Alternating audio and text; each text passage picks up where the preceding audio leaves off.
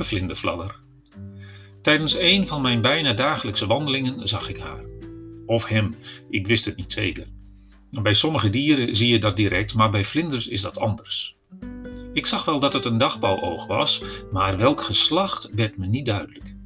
Het prachtige diertje was al een paar honderd meter met mij meegevlinderfladderd. Dan weer hoog, dan weer laag, soms recht vooruit, dan weer terugbogend om mij heen. Licht als een zonnestraal in de lente, fris als de ochtenddauw op een blad. Met verbazing volgde ik de vlinder, maar ik bedacht me opeens dat het beestje misschien wel net zo verbaasd over mij kon zijn. Dat hij daarom al zo lang met me meevloog. Dat hij zag dat er geen gefladdervlinder in mijn tred te ontdekken viel. Dat ik niet draaide, zwierde, zweefde. Dat mijn voeten zwaar en mijn benen moe leken. Dat hij zag dat ik niet doorhad hoe mooi het weer was en hoe helder het licht.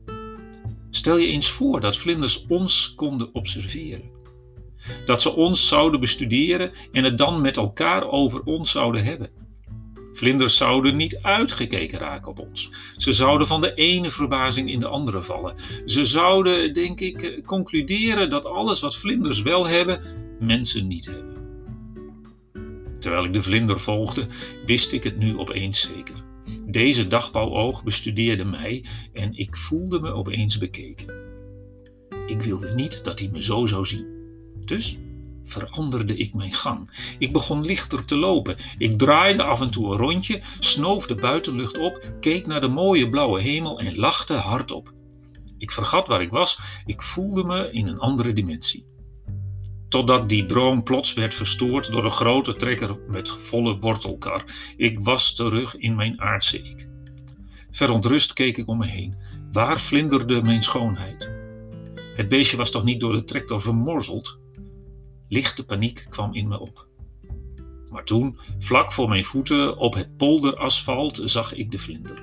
Rustend, vleugels gespreid, de volle zon opvangend. Ik slaakte een verlichte zucht. Mijn vlinder was er nog.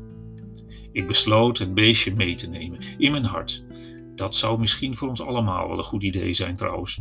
Want met de herfst en de winter voor de boeg kunnen we denk ik zo nu en dan wel wat gevlinderfladder gebruiken.